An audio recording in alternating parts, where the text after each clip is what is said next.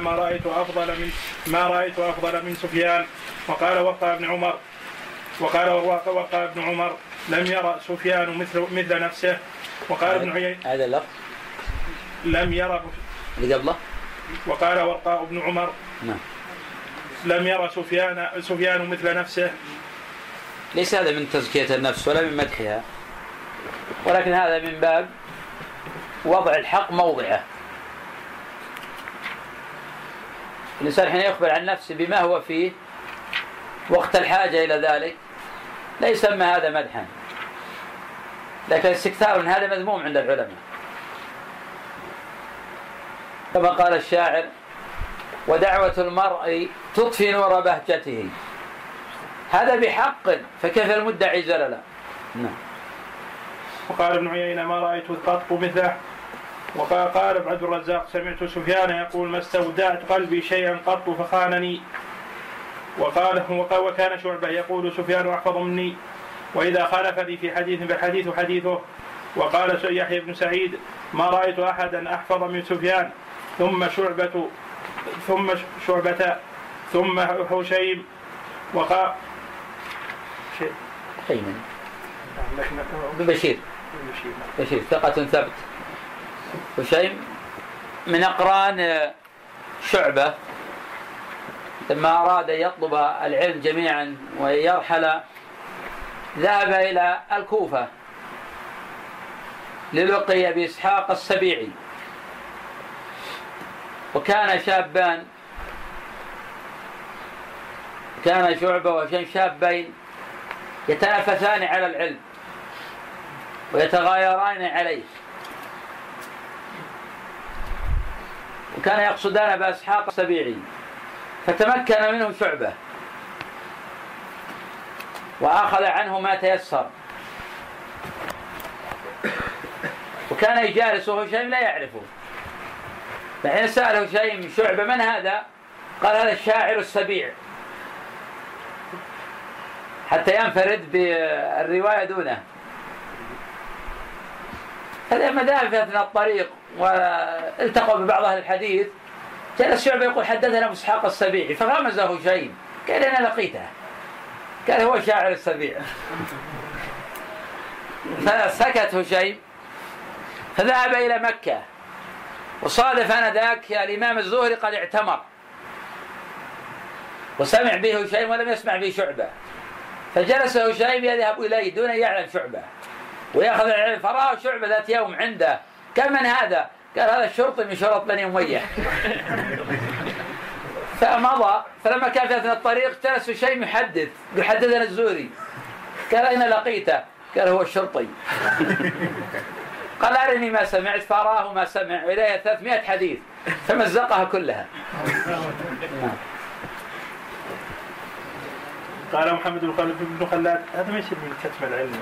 هذا محفوظة أصلا ويعلم أنها محفوظة هو شيء من أحفظ عباد الله لا قصدي أنه قوله شاعر سبيل. تنافس ويعلم كل واحد يجد ما عند الآخر لكن يريد ينفرد عن أقرانه. وطبعا ليس مرحلة كمال هذا لكن مرحلة شباب صغار وكل واحد يريد ينفرد عن الآخر وما أصدقاء ذهب جميعا ورجع جميعا. لكن كل واحد من طبيعة الشخص يحب أن ينفرد عن الآخر. يتميز عن الآخر. من حبهم للعلم حبهم نشر العلم. نعم. وقال محمد بن خلاد سمعت يحيى بن سعيد بن سعيد وذكر شعبة وسفيان. فقال سفيان أقل خطأ لأنه يرجع إلى كتاب. وقال ابن عيينة ما بالعراق أحد يحفظ الحديث إلا سفيان. وقال أبو داود الطيالسي عن شعبة ما, ما حدثني أحد عن شيخ إلا وإذا سألته يعني إلا وإذا سألته يعني ذلك الشيخ يعني بخلاف ما حدث به. ما خلا سفيان؟ فإنه لم يحدثني عن شيخ إلا و... إلا و... وإذا سألته وجدته كما على ما قال سفيان. يعني أنه يعطي يحسن وضع الكلام موضعه. فلا هو الذي يبالغ في رفع الرجال ولا هو الذي يفرط في ذم الرجال. فلا يحدث عن شيخ إلا يقول أجده كما هو. كما أن من صفاته أيضا إذا حدث بالحديث تسأل عنه بعد فترة يعطي كما هو. لا يتغير حفظه في ذلك. نعم. وقال أحمد سفيان واحفظ للاسناد وأسماء الرجال. من من شعبة. وقال إسحاق بن هانئ قلت لأحمد إن اختلف سفيان وشعبة في الحديث والقول قول من قال سفيان وأقل أقل خطأ. سفيان؟ سفيان وأقل خطأ. ويقول سفيان آخذ. وقال الثوري أعلم بحديث الكوفيين ومشايخهم من ابن الأعمش. وسيأتي الأعمش. متى قد تقول هذا أعلم خلق الله؟ بالأمس اللي يقرأ ترمي الشعبة يقول هذا ليس في الدنيا مثله. فلا نحن نقرأ سفيان نقول ليس في الدنيا مثله وهكذا. أئمة كبار حفظ الله الدين بهم فرحمهم الله رحمة واسعة. وقال علم الناس إنما هو عن شعبة وسفيان وزائدة وزهير. هؤلاء أثبت الناس وأعلم أعلم بالحديث من غيرهم. يأتي إن شاء الله يمر علينا بزهير نتكلم عنه إن شاء الله. هو زهير بن معاوية الإمام الثقة الثبت أوثق الناس في كل المشايخ التي فيها إسحاق السبيعي. قد أخذ عنه بآخره. وقال معاوية بن عمرو عن زائدة كنا كنا نأتي الأعمش فيحدثنا. فيكثر ونأتي سفيان الثوري فنذكر له تلك الأحاديث. فيقول ليس هذا من حديث الأعمش. فنقول هو حدثنا به الساعة. فيقول اذهبوا اذهبوا فقولوا إن شئتم فنأتي الأعمش. فنخبره بذلك ثم فيقول صدق سفيان ليس هذا من حديثنا. يثبت هذا. كيف يعني؟ في إشكال ما في إشكال. الإشكال انه إنه ليس من حديث يحدثون فيكثر ما لا سفيان يقول ليس من حديث يعني يعني يعني وهم فيه وغلط فيه. هذا طبيعي. نعم. قصدي إنه يثبت عليه يعني لا ما شاء الله. نعم قد يخطئ. نعم. نعم حتى سفيان أخذ عليه أشياء لكن نجد نعرف هذا ترجمة غيره لكن إن شاء الله نتكلم على في الطبقات. طبقات. وقال أبو حاتم الرازي هو امام أهل العراق وأتقن وأتقن أصحاب أبي سفيان أبي إسحاق وهو أحفظ من شعبة. وإذا اختلف قدم عندنا شعبة أحفظ وهكذا. لكن إذا اختلف كما تقدم عندنا قول أبو داود وغيره إن شعبة سفيان يقدم على آه، شعبة. وشعبة نفسه يقول إذا اختلفت أنا وسفيان فالقول قول سفيان. نعم. إذا وإذا اختلف شعبة والثوري في الثوري. وقال أبو زرعة كانت الثوري أحفظ من شعبة في إسناد الحديث ومتنه. وقال أبو داود ليس يختلف ليس يختلف سفيان وشعبة في شيء إلا بضف إلا إلا يظفر به سفيان. وقال إلا ويظفر إلا ويظفر به سفيان. وخالفه في أكثر من حديث من خمسين حديثا القول فيها القول سفيان. نعم. قال وبلغني عن يحيى بن معين أنه قال ما خالف أحد سفيان في شيء إلا كان القول قول سفيان. أو لا إلا كان القول قول في سفيان. مطلق يعني دائما يقدم سفيان في, في, في شعبة في شعبة صحيح ما في غيره لا لا ننظر فيه. سنمر ان شاء الله مراحل. لكن إحنا في مقارنة الشعب مع سفيان نعم. قدم سفيان على شعبه إذا اختلفوا. وقال وهيب, وهيب بن خالد ما أدرك الناس وأحفظ من سفيان. قال الأشجعي ذهبت مع سفيان إلى إلى هشام بن عروة فجعل سفيان يسأل هشاما وهشام يسأل يحدثه حتى إذا فرغ قال له سفيان أعيدها عليك فعاد عليه. قال ثم قال هشام لأصحاب الحديث احفظوا كما حفظ صاحبكم. قالوا لا نستطيع أن نحفظ كما يحفظ كما حفظ. وذكر العجلي عن بعض الكوفيين عن عن شريك. قال قدم علينا سالم الأفطس فأتيته ومعي قرطاس فيه مئة مئة حديث فسألته عنها فحدثني بها وسفيان يسمع فلما فرق قال لي سفيان أرني قرطاسك فأعطيته إياه فخرقه. فرجعت إلى منزلي فاستلقيت على قفايا فحفظت منها تسعة سبعة وتسعين حديثا وذهبت وذهبت عني ثلاثة. قال وحفظها وحفظها سفيان كلها. لهم مرجع بغير هذه يعني بغير هذه قطعت إيه يقول حفظ سفيان كلها إيه لا بأس الحفظ هذا ما موجود لكن لو لو لو, لو قدر لا ما تذهب. هم يعلمون الذهب ما تذهب. موجودة عند في الأصل موجودة عند غيره. وتارة يفعل هذا لضعفها أو لنكرتها أو لأسباب أخرى أو ليورية أنه حافظها فمثلا إن شاء الله عندنا حكايات كثيرة تمر بنا إن شاء الله. أن يخرقها كلها فيغضب يقول يعيدها عليه فيعيدها. البخاري رحمه تعالى آه، كان في مجمع كان يكتبون وهو ما ما يكتب. ومع ذلك ما يلحقون بالمملي. وإذا فرغ أملى عليهم كل ما سمع البخاري. من حفظه. وهؤلاء يكتبون ولا يستطيعون. كان سفيان ممرور لا يخالطه شيء من البلغم الإنسان يدعو الله جل وعلا يرزقه الحافظة الجيدة النافعة.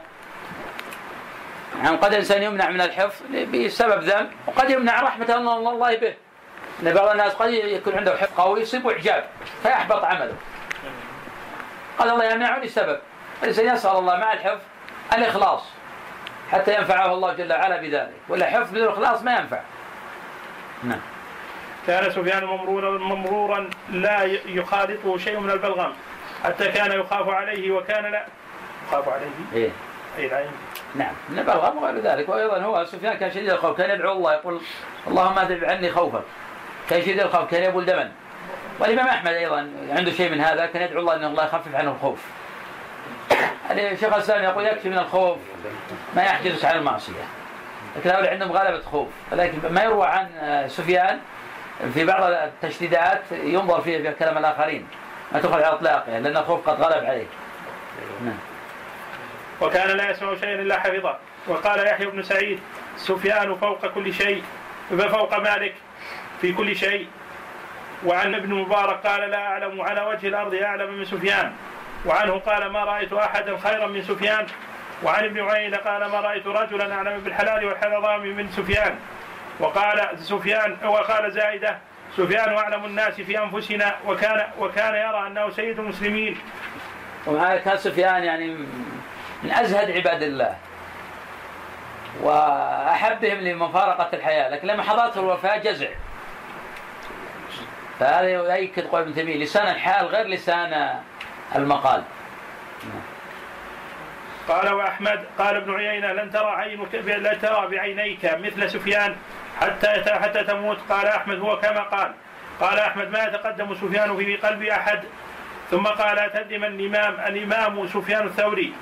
قال عبد الرحمن بن الحكم بن بشير ابن بشير ما سمعت بعد التابعين بمثل سفيان؟ وقال مثنى بن الصباح ابن الصباح سفيان عالم الأمة وعابدها وفضائله كثيرة جدا.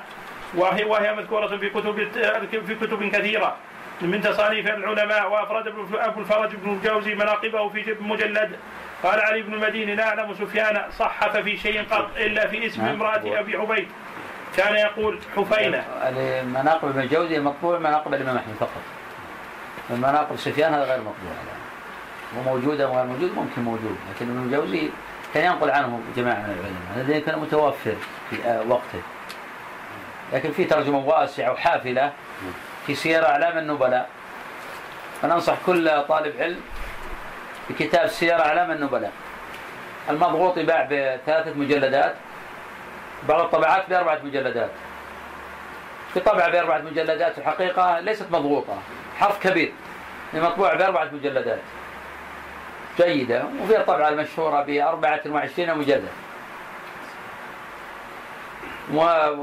مهمة لطالب العلم يتعرف على سير العلماء وعلى تراجمهم حتى يرتبط شأنه بشأنهم.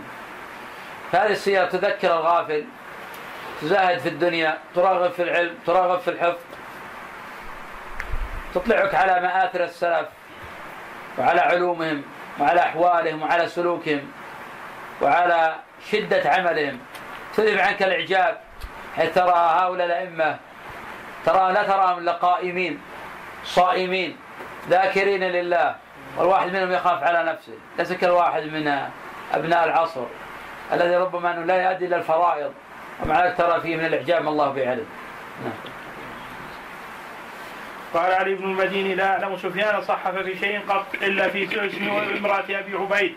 كان يقول حفينة. يعني أن الصواب جفين بالجيم. المقصود بإظهار الدين يا شيخ في بلاد الكفر الصحيح الحقيقة بحثنا أكثر من مرة. قلنا الصدع بالبراءة منهم وإظهار شعائر الإسلام الظاهر والأذان ونحو ذلك. إظهار هذا الدين لهم إظهار هذا الدين تصريح لهم بالكفر. إذ معشر كفار وعداوة تبدو وبغض ظاهر. يا للعقول يا ما لكم أفكار. هذا إظهار الدين. في من قال إن إظهار الدين صلاة خمس فقط. قال الأول أقوى. إعلان السب يا شيخ. نعم. لا يلزم السب السب أصلا هو محمود أصلا السب لكن قصدك إعلان الدين. يعني براءة منهم. طبعا الله يسمي سبا. نعم. وهذا قد لا يسمى سبا. هذا بين حكم شرعي. والحكم الشرعي ليس سبا. الله خفي الاسئله تطول الاضاءه الوقت معنا. بعد. الحمد لله رب العالمين والصلاة والسلام على نبينا محمد وعلى آله وصحبه أجمعين. قال رحمه الله تعالى ومنهم مالك بن أنس بن أبي عامر الاصبحي إمام دار الهجرة المجمع المجتمع على إمامته متى ولد مالك؟ 79 لا لا أحد يجيب يا اخوان قاعدة لا أحد يجيب إلا إذا سئل. إحنا نحب مع المساله ليس التعجيز بالمسؤول. الفائدة للجميع. لأنه لوحظ كناحيه تعليميه بناء على موارد من النصوص والأدلة أن الحكم إذا ألقي عن طريق السؤال يرسخ في الذهن. وهذا مجرب. وادلته حديث جبريل وغير ذلك من الحديث. مقصود الفائدة لأن كل واحد يجيب ما تمت الفائدة. إحنا نريد في المستقبل يحرص ويبحث. سألنا واحد ما أجاب إحنا ودنا يجيب. لكن إذا ما أجاب هو ينتفع. معلومة ترسل غدا يحضر. ولكن صار واحد جاء ما حضر غدا. أنا أريد من الاخوان يحضرون. لأن الطريقة إنك تحضر. المعلم إذا أشكل تسأل فقط. لكن إحنا نشرح كل جزئية وهذه مشكلة. كل جزئية تشرح لأن المفروض الطالب هو اللي يحضر. يأتي قد حضر كل شيء. اللهم إذا أشكل يسأل ويناقش. هذا الطريقة. لكن أنا اشرح كل جزئية لا ما في تحضير. ذاك ما يستفيد الانسان إذا ما حضر. إذا ما راجع فتش في بطون الكتب وقبل أن يجي فتش ب 100 كتاب. ما استفاد. إذا ما راجع سير اعلام النبلاء راجع التقريب تذكرة الحفاظ راجع هذا الكتب عن هذه المسألة ما استفاد. إذا الأصول الثلاثة إذا ما راجع عدة شروح للأصول الثلاثة ما استفاد. لابد حتى يسمع ويقارن حتى يسمع عن الشرح. لكن ما في واحد يقول مش معنى الشرح هذا الكتاب ما مشكلة؟ لأنه ما قرأ كتاب أصلا. ما قرأ كتاب هذه مشكلة. لابد يصير راجع ويبحث. متى ولد مالك؟ 97 97 لا. متى ولد مالك؟ سنة 93 نعم المشهور سنة 93 ناصر متى توفي مالك؟ 179 179 جيد. طيب ما أخذنا مالك متى ولد أحمد؟ ولد 100 صحيح. نعم. زد زد. 60 زد. 64 64 علمت احد؟ نقول ما حد يغشش. سنة 164 الوحي شو ينقطع اسمك؟ أبو إبراهيم. أبو إبراهيم. متى توفي الإمام أحمد؟ آه، سنة 204 204 إيه. لا. 204 يعني ما عاش الإمام أحمد على هذا إلا 40 عاما. الإمام أحمد عمر. نعم متى؟ 240 240 241 إيه 241 هو الصواب توفي الإمام أحمد 241 باقي كمل. كمل يا أسامة. عطنا أبو- أبو حنيفة متى ولد؟ في 150 في السنة التي توفي فيها الشافعي في السنة التي مات أبو حنيفة ولد فيها الشافعي. 194 لا لا. ولد 80 ولد أبو حنيفة سنة 8 توفي 150 150 في السنة اللي ولد فيها شافعي. الشافعي. متى توفي الشافعي؟ 150 150 لا لا توفي 204 نعم. 204 أكيد. يقول الشافعي توفي سنه 204 صحيح؟ خلاص انتهوا إذا من أربعة. اخذناهم كلهم الآن؟ الآن؟ إذا غدا كل واحد يضبطهم واضح؟ متى ولد مالك؟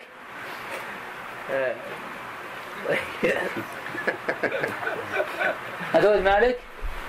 ولد مالك سنة آه، عندك خيارات ولا؟ لا أنا مسجلة ترى توي طيب عندك خيارات؟ إي عطنا خيارات تجيب. 100 سنة 107 وسنة 47 سنة 79 سنة آه، شو اسمه؟ ما فيها. سنة آه، شو اسمه؟ 170 107 كله غلط هذا أعطيك غير صحيح. كله غلط. حتى أعرف أنك ضابط ولا لا؟ أعطيك سنة 93 إذا ركعت أي 179 هي وفاته وفاة. نعم. نعم. ومنهم مالك بن أنس ابن ابن أبي عامر الأصبحي إمام دار الهجرة المجتمع على على على إمامته. نعم يقول يقال هو ورد في الحديث الذي رواه ابن جريج. طبعا هذا الحديث المسند وجامع أبي عيسى من طريق ابن جريج. عن أبي الزبير المكي عن أبي صالح عن أبي هريرة أن النبي صلى الله عليه وسلم قال يوشك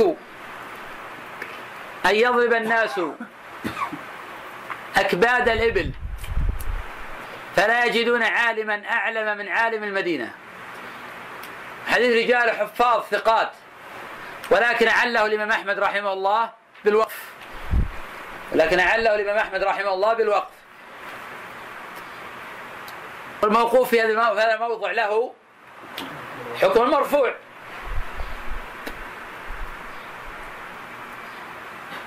نعم. شيخ هذا الحديث هو الذي يقول عنه إن الصلاة لو نهيت عن صاحب من حيث لا؟ اي نعم. يصلح. الحديث؟ نعم. المجتمع على إمامته وجلالته وفضله وعلمه. وعلمه ولا عمله؟ نعم وعلمي ولا مكتوب وعمله لا وعلمي قال الشافعي إذا جاء الأثر فمالك النجم. وقال أيضا لولا مالك وسفيان لذهب علم الحجاز. وقال أيضا كان مالك إذا شك في الحديث تركه كله. وقال أيضا العلم يدور على مالك وابن وابن, وابن, وابن على مالك وابن عيينة والليث. وقال ابن مهدي ما أقدم على ما, ما أقدم على مالك على مالك في صحة الحديث أحد؟ وقال صحة الحديث. عندك أحد؟ أحدا نعم. أصلا عندك أحد ولا ما تقول أحدا؟ النظر وسط شوي. لغة ربيعة والله. نعم. كان لغة ربيعة. ممكن لكن عنده كتاب يقرأ. وقال ابن مهدي ما أقدم على مالك في صحة في صحة الحديث أحدا وقال يكفي حسن الضرات. ما ودي نظر الضعف نعم يقول نظر الضعف الأطباء ما ما يؤثر بالنظارات ما تؤثر على البصر. ما بس والله أنا كشفت على عيني عند عشرات الأطباء. يقول ما تؤثر. يعني وجوده في وجودها يقول كعدمه بالعكس يقولون عدمه هو اللي يؤثر. إنك تقرأ وتركز قوة وتضع كل جهدك على الموضع يقول يؤثر. لكن لو وضعت تريح العينين ما يؤثر. إذا ذهبت إلى حاذق نعم. هذه فائدة طبية. جزاك الله خير. تسألنا بسال عنها شيء. قال يحيى بن سعيد ما في القوم يصحح حديثا من مالك. نعم. والذي يقول عنه الشاعر يدع الجواب فلا يراجع هيبة والسائلون نواكس الأذقان. أدب الوقار وعز سلطان التقى فهو المطاع وليس ذا سلطان. كان رحمه الله مهيبا جدا. كان لا يجلس إلا على وضوء على طهارة.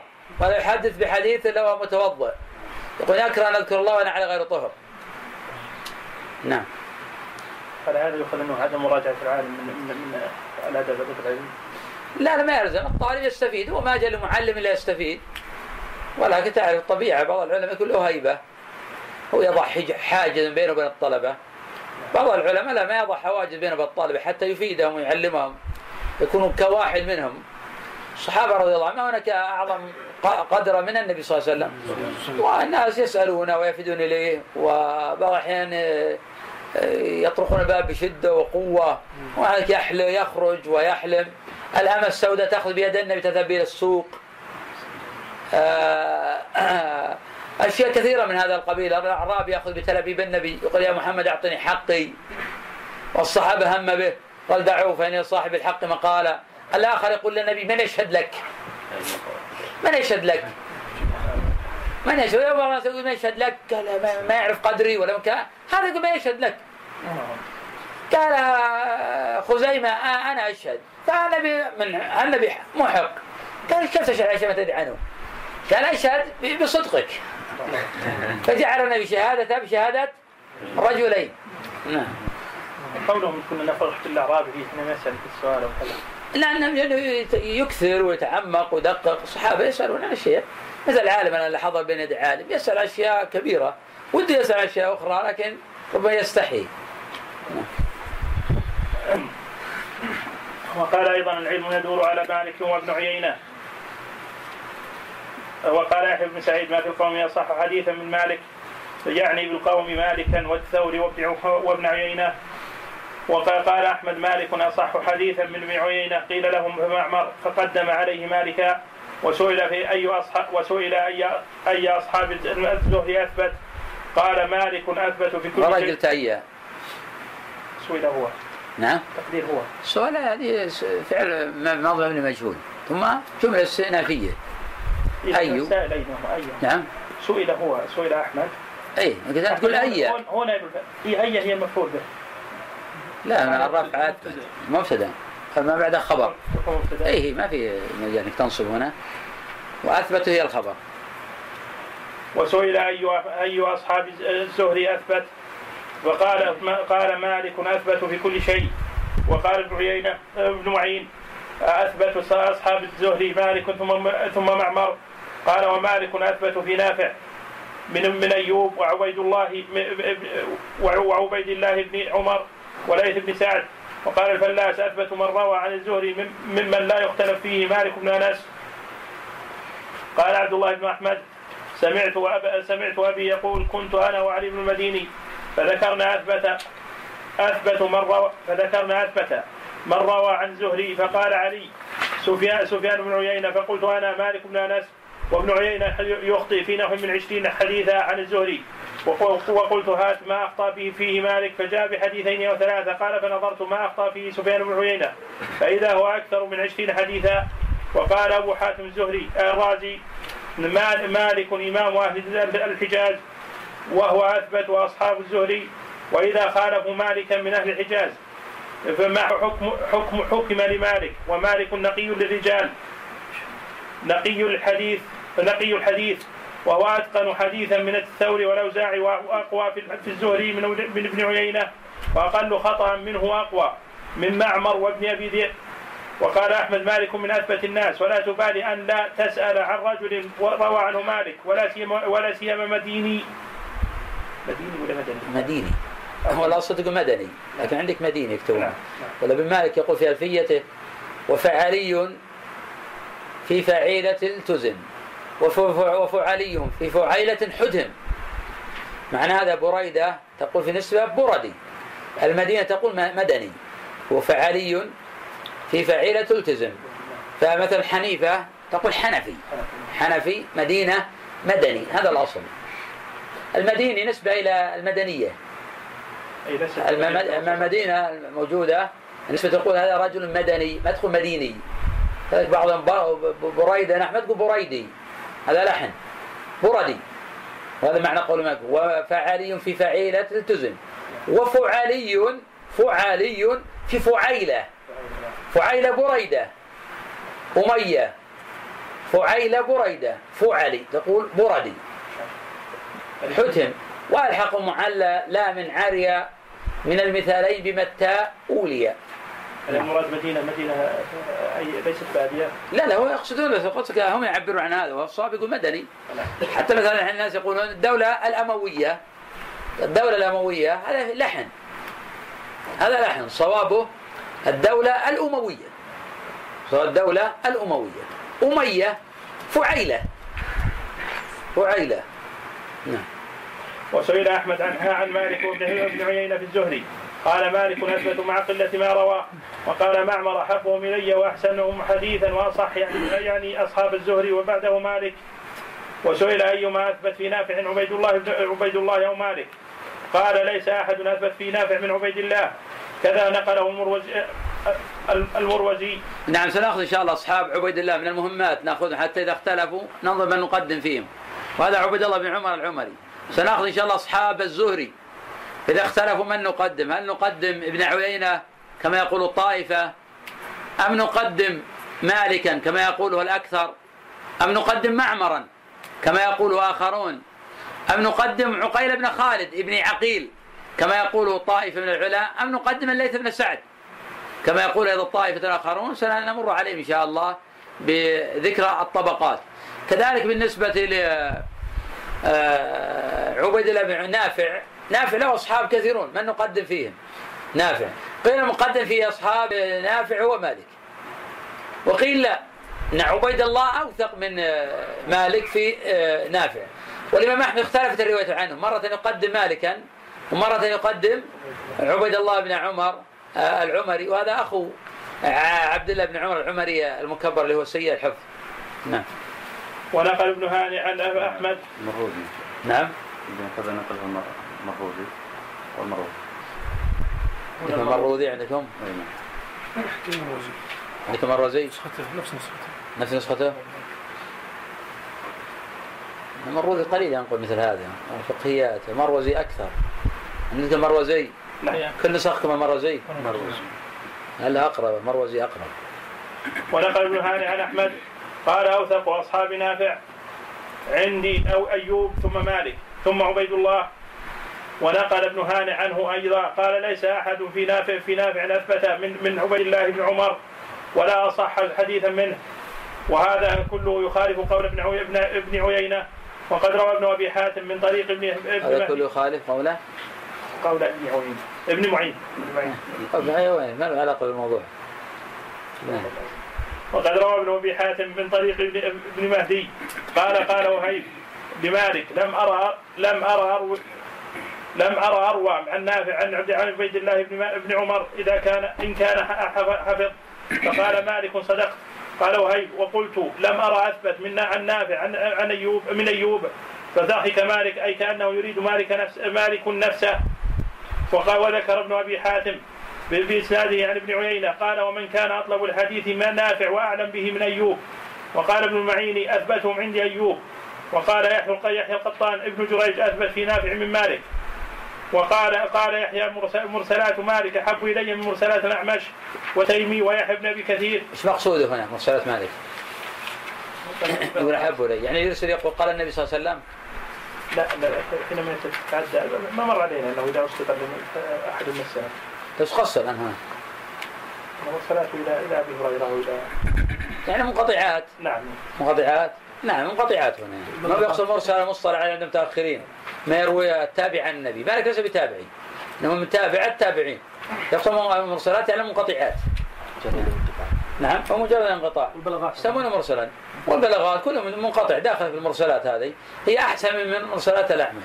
الأعمش لأنه إذا آه، كان بينه وبين الآخر انقطاع غالبا يكون عن تدليس. مالك ما يدلس مالك.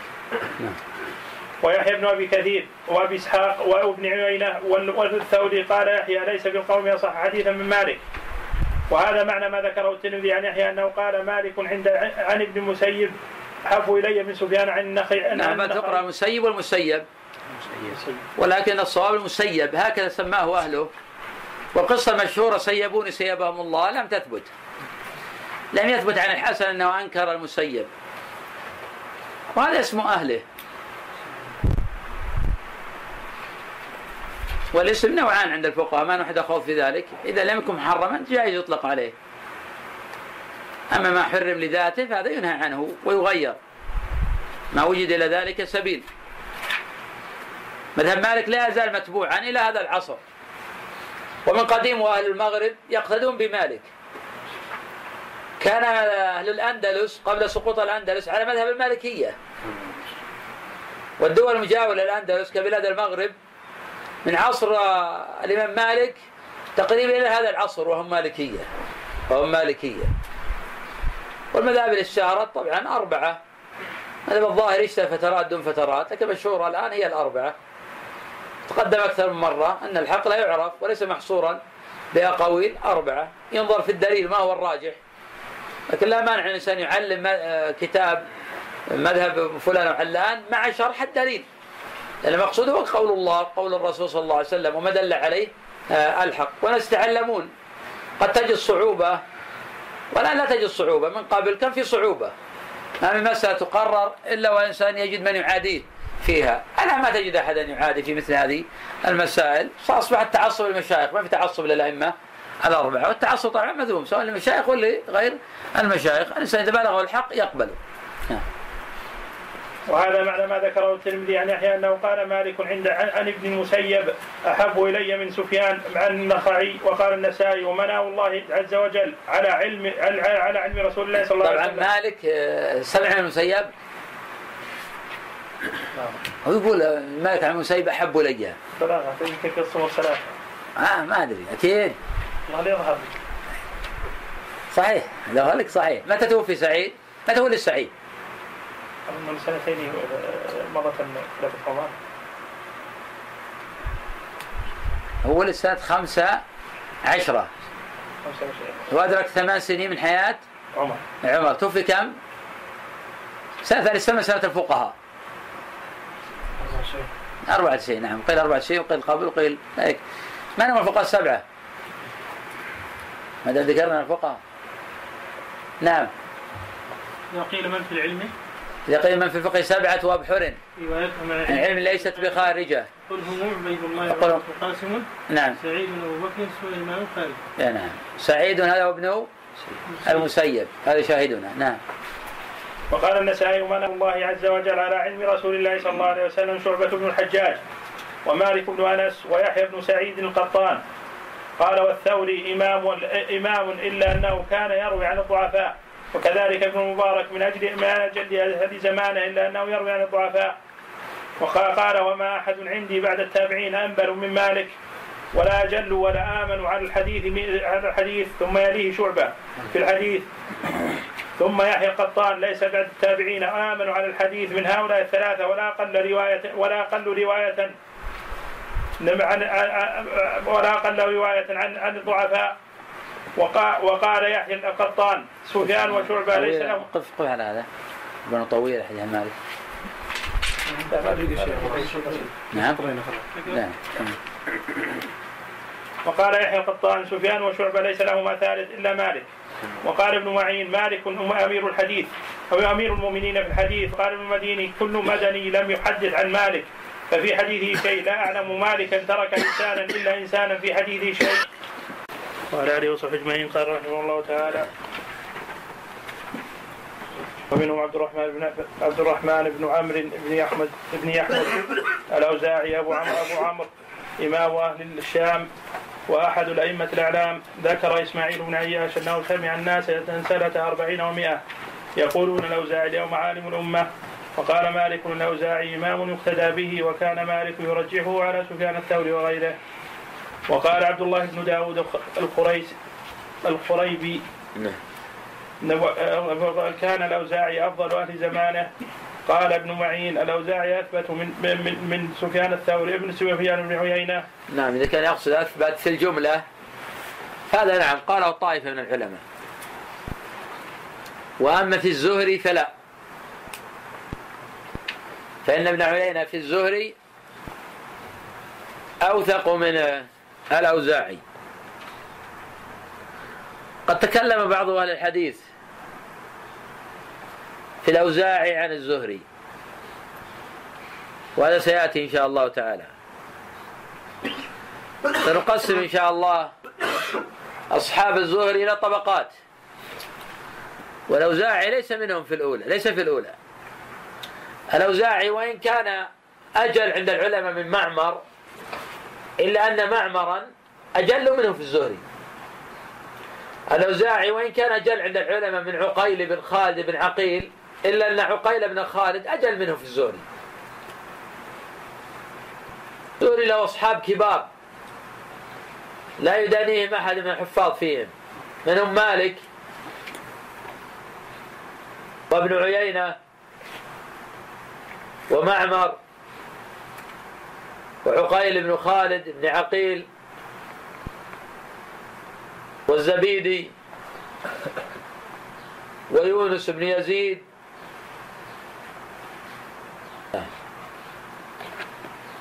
وقال إسحاق بن إبراهيم إذا اجتمع سفيان الثوري ومالك والأوزاعي ومالك ابن أنس والأوزاعي على أمر فهو سنة وإن لم يكن في كتاب ناطق فانه فإنهم أئمة. وقال الفلاس قصوا هذا السنة ولم يكن في كتاب الناطق أنهم لا يعملون بشيء إلا ورد فيه نص أما إذا لم يتحقق وجود النص فليس بسنة. السنة لا تكون في كتاب الله وسنة رسوله صلى الله عليه وسلم. وهذا ما لا نزاع فيه بين العلماء. لكن قصد ما ما ذكرته. أنهم لا يعملون بشيء لو عليه دليل. نعم. وقال الفلاس الأئمة خمسة الأوزاعي بالشام والثوري بالكوفة ومالك بالحرمين وشعبة وحماد بن زيد ابن ابن زيد بالبصرة وذكر ابن مهدي. الأربع الأئمة الأربعة ولم يذكر ولم يذكر شعبة. وقد خرجه الترمذي وروى وروي من غير وجه عن ابن مهدي. وفي رواية عنه قال أئمة الناس في زمانهم أربعة فذكرهم. وقال ابن مهدي أيضا لم يكن بالشام أعلم بالسنة من الأوزاعي. وذكر الوليد بن مسلم عن الأوزاعي قال كنا نسمع الحديث فنعرضه على أصحابنا كما يعرض الدرهم الزائف على الصيارفة. فما عرفوا منه أخذنا وما أنكروا منه تركنا. ومنهم حماد بن زيد بن درهم أبو إسماعيل البصري أحد الأعلام الأثبات. قال أحمد هو من أئمة الإسلام المسلمين من أهل الدين والإسلام وهو أحب إلي من حماد بن سلمة. يعني يعني في صحة الحديث. نعم حماد بن زيد أوثق من حماد بن سلمة من حيث الصناعة الحديثية. وحماد بن سلمة أصلب في مواجهة أهل البدع والضلال من حماد بن زيد. وحماد بن زيد احتج به البخاري لكنه لم يحتج بحماد بن سلمة. أوثق الناس في ثابت البناني هو حماد بن سلمة على الإطلاق. قاله الإمام أحمد. حماد بن سلمة حديثه على ثلاث مراتب. تقدم تقسيمها من منكم يحفظها؟ تقسيم حماد بن سلمة. قبل هذا التقسيم قلنا حماد بن زيد ثقة في كل الرجال. فحديثه من المقبول مطلقا. أما حماد بن سلمة قلنا حديثه على ثلاث أقسام. ذكرناها قلنا سيأتي أيضا سيأتي إن شاء الله لكن ذكرناها في الحقيقة. من منكم يعرف هذا التقسيم؟ أعيد إذا حماد بن سلمة حديث على ثلاث أقسام. القسم الأول ما كان في الذروة ومن المتفق على قبوله وهو ما كان عن ثابت البناني. القسم الثاني ما كان فيه لين. وذلك ما كان عن قتادة. لأنه لا يضبط حديثه جيدا ويضطرب فيه. القسم الثالث ما كان عن غير هؤلاء فحديث صدوق ومقبول وقد يخطئ. فإذا تبين خطأه رد حديثه. وإذا لم يتبين الخطأ قبل حديثه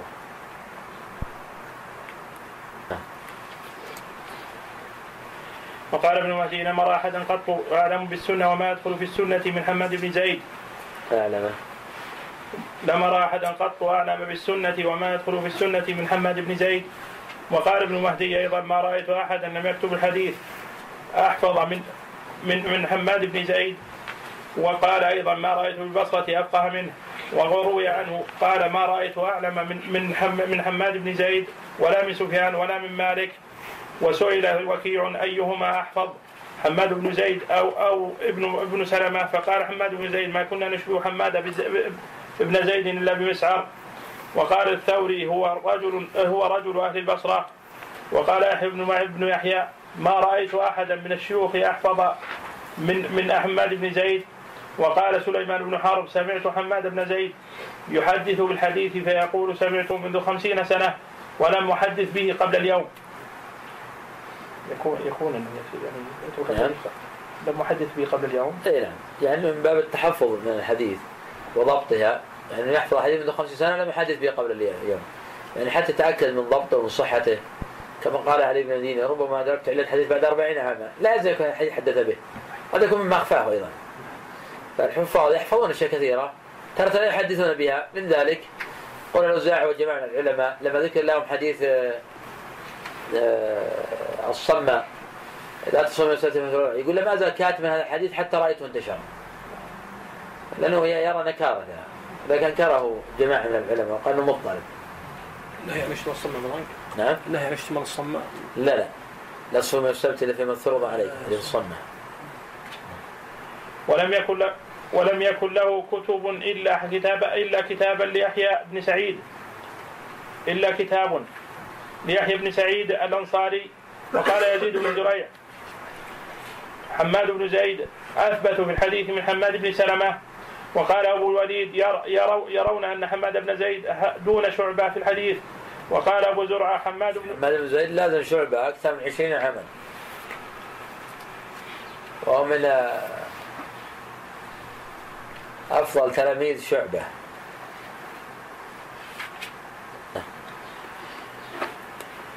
وقال أبو زرعة حماد بن زيد أثبت من حماد بن أثبت من حم أثبت من حماد بن سلمة بكثير أصح حديثا وأتقن. وقال أحمد ما رأيت ما عندي اعلم أعلم. ما عندي أعلم بحديث أبي أيوب من حماد بن زيد وقد أخطأ في غير شيء. وقال ابن معين ليس حماد بن سلمة حماد بن زيد يرويان عن أيوب. حماد بن زيد كان من القدماء من أصحاب أيوب فتركه. وحماد بن زيد لم يزل يروي عن أيوب إلى أن توفي. حماد بن زيد مقدم على حماد بن سلمة في أيوب. تكلم بعض العلماء في رواية حماد بن سلمة عن أيوب. الظاهر أنها جيدة. أن يروي قديما ولم يتبين خطأه. ولكن إذا أخطأ في حديث نرد الخطأ والبقية نقبله. نعم. هناك أوثق الناس بايوب محمد بن زيد ولا؟ لا من أوثق الناس؟ لا ليس هو. أوثق الناس مطلقا لا مالك أوثق منه في أيوب. مالك. يعني هو اختلط يا أخي نعم. اختلط أيوب؟ لا اختلاط ما اختلط. اختلاط اللي يسمى في عرف الناس اختلاط. سيأتي شيء توضيحه. لكن حماد بن زيد كان يروي عنه قديما ثم تركه حماد بن سلمة لازمه والاختلاط تارة عند السلف يطلق على تغير الحفظ. ليس على اختلاط مفهوم بدليل أن اسحاق الصبي قال عنه اختلط وكان يقرأ سورة البقرة في مجلس الواحد لا يخرج منها حرفا. فإن الاختلاط أحيانا يقصدون به تغير الحفظ كما سيوضح ابن رجب في طبقة كبيرة. اختلاط يقول هذا غير صحيح. تأتي اختلاط الله تغير حفظ. يعني بمعنى من أقوى الناس حفظا قل حفظه وضبطه قيل اختلط تغير. يعني تغير على ما كان عليه من قبل تغير نسبي. وقد أخطأ في غير شيء. وقال ابن معين ليس أحد أثبت في أيوب. من حماد بن زيد. وقال ابن مهدي لم يكن عندي كتاب عنده كتاب إلا جزء, جزء ليحيى بن, سعيد. وكان يخلط فيه. وذكر ابن وهب بن حبان وغيره أنه كان ضريرا وكان يحفظ حديثه كله. كله. كله. وكان يحفظ حديثه كله. حفظ هذه كله كله. يحفظ حديثه كله. وقال وابن جرير سأل رجل شعبة عن من عن حديث عن حديث من حديث أيوب. فقال له يا مجنون تسألني من حديث من حديث أيوب حماد إلى جنبك. وقال سليمان بن حرب حماد بن زيد في أيوب أكبر أكبر من أكبر من كل من روى عن أيوب. وقال ابن معين إن إذا اختلف إذا اختلف إسماعيل بن عليا وحماد بن زيد في أيوب كان القول قول حماد. قيل لي- ليحيى فإن خالف وسفيان الثوري قال فالقول قول حماد ابن زيد في في في, في أيوب. قال يحيى ومن خالفه من الناس جميعا في أيوب فقال فالقول قوله ولما مات حمد بن زيد قال يزيد بن زريع مات سيد المسلمين. ومنهم يحيى بن سعيد القطان أبو سعيد خليفة شعبة والقائم بعده مقامه في هذا العلم وعنه تلقاه أئمة هذا الشأن كأحمد وعلي ويحيى ونحوهم. وقد كان وقد كان شعبة يحكمه على نفسه في هذا العلم. ذكر ابن أبي حاتم عن أبيه عن عن عن رستة رستة الأصبهاني قال سمعت ابن مهدي يقول اختلفوا يوما عند شعبة فقال فقالوا اجعل بيننا وبينك حكما فقال قد رضيت بالاحول يعني يحيى بن سعيد القطان فجاء يحيى فتحاكموا إليه فقضى على شعبة. فقال له شعبة ومن يطيق نقدك نقدك يا أحول؟ أو من له مثل نقدك؟ وقال ابن معين قال لي عبد الرحمن بن مهدي لا ترى بعينيك مثل يحيى بن سعيد القطان أبدا. وقال الإمام أحمد ما رأينا مثل يحيى بن سعيد في هذا الشأن يعني يعني معرف في معرفة الحديث ورواته. نعم يحيى بن سعيد القطان كان إماما في كل شيء. إماما في العلم إماما في الحفظ إماما في الدين والورع إماما في العمل. كان لا يفطر أبدا. إلا في الأيام المنهي عنها. وكان لا يكاد يحفظ شيئا فينساه. ولا يكاد أحد يجاريه في المذاكرة والمناظرة. فهذا سفيان على إمامته وجلالة قدره حين حل ضيفا على ابن مهدي. قال ائتني برجل أذاكره هذه الليلة. فأتاه بيحيى فذاكره كل الليل. ولم يستطع سفيان أن يجري معه. قوة حفظ يحيى واستحضار الأسانيد والمتون. فلما أصبح أراد يثني عليه. قال قلت لك ائتي لي بإنسان أذاكره ولم أقل لك ائتني شيطان. قوة حفظه وذاكرته ومعرفته. وهو شيخ الإمام أحمد. وهو من تلاميذ شعبة. وكان شعبة رحمه الله يعترف له بالفضل والقوة. وكان يتحاكم إليه مع أنه شيخه هذا من تواضع شعبة أيضا. يحسب لشعبة هذا. ومن طيب قلبه. إن بعض الناس يبغي إذا برز عليه تلميذ وبغى عليه وآذاه. جعل يتتبعه وأيضا التلميذ محسوب على المعلم. بقدر ما تفرح به بقدر ما ينسب إليك. لكن إذا ضاق ضقت ذرعا بتلميذك وجدت المفاصلة ثم ما يحسب إليك المستقبل. تحسب من العدو ما تحسب من المشايخ. وقال الإمام أحمد ما رأينا مثل يحيى بن سعيد في بن سعيد في هذا الشأن يعني معرفة الحديث ورواته. وهو كان صاحب هذا الشأن وجعل يرفع أمره جدا. وقال أحمد أيضا لم يكن في زمان يحيى في زمان يحيى القطاني مثله مثله. كان تعلم من شعبة. وسئل أحمد عن يحيى بن يحيى وابن المهدي ووكيع. فقال كان يحيى أبصرهم بالرجال وأنقاهم حديثا وأظنه قال وأثبتهم حديثا. وقال أيضا لا يقاس لا يقاس بيحيى بن سعيد في العلم أحد. وقال أيضا يحيى بن سعيد إليه المنتهى في التثبت بالبصرة. وقال أيضا ما رأيت في الحديث أثبت من يحيى منه. وقال سهيل بن صالح سألت أحمد بن حنبل فقلت يحيى القطان وابن المبارك إذا اختلف في حديث فقول من نقدم فقول من تقدم؟ فقال ليس نقدم نحن على يحيى أحدا. وقال أبو حاتم الرازي أبو حاتم الرازي إذا اختلف ابن المبارك ويحيى بن سعيد وسفيان بن عيينة في حديث آخذ آخذ آخذ بقول يحيى قال ابن المديني ما رأيت أحدا أنفع للعلم وللإسلام وأهله من يحيى بن سعيد القطان. قال علي سمعت يحيى بن سعيد يقول ينبغي لصاحب الحديث أن يكون ثبت الأخذ ويكون يفهم ما يقال له ويبصر الرجال ثم يتعاهد ذلك. وقال البخاري أعلم الناس بالثوري يحيى بن سعيد لأنه لأنه عرف صحيح حديثه من تدليسه وقال أبو علي الحافظ حدثنا أبو بكر الواسطي قال سمعت علي بن المديني يقول شعبة أحفظ الناس للمشايخ وسفيان أحفظ الناس للأبواب وابن مهدي يحفظهم ثم إنه قال للمشايخ والأبواب ويحيى سعيد أعرف بمخارج الأسانيد وأعرف بمواطن الطعن من جميعهم. وقال يحيى بن غيلان سمعت يحيى بن سعيد يقول ما تركت حديث محمد بن إسحاق إلا لله. وقال أبو بكر بن خلاد سمع دخلت على يحيى بن سعيد في مرضه فقال لي يا أبا بكر ما تركت أهل ما تركت أهل البصرة ما تركت أهل البصرة يتكلمون. قلت يذكرون خيرا إلا أنهم يخافون عليك من كلامك في الناس. قال فقال احفظ عني لأن يكون يكون خصمي لأن يكون خصمي في الآخرة رجل من عرض الناس. أحب إلي من أن يكون خصمي في الآخرة النبي صلى الله عليه وسلم. يقول بلغك بلغ بلغك عني حديث وقع في وهمك أنه غير أنه عنه عني غير صحيح. يعني فلم تنكر. ومنهم عبد الرحمن بن مهدي.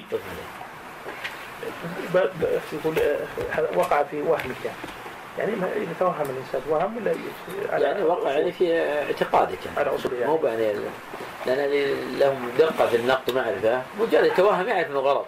لما قال أبو زرعة في القصة المشهورة بين أبي حاتم زرعة. أو تسأل عن الحديث تأتي بزرعة لا نتفق في النهاية على المعنى. وبعض الأحيان لو تسأل عن العلة ما أجد لها علة. لكن هكذا وقع في وهدي إيه بالممارسة نعم. يتبين لشخص. مجرد يقرأ ويسمع الحديث تعرف أنه معلوم.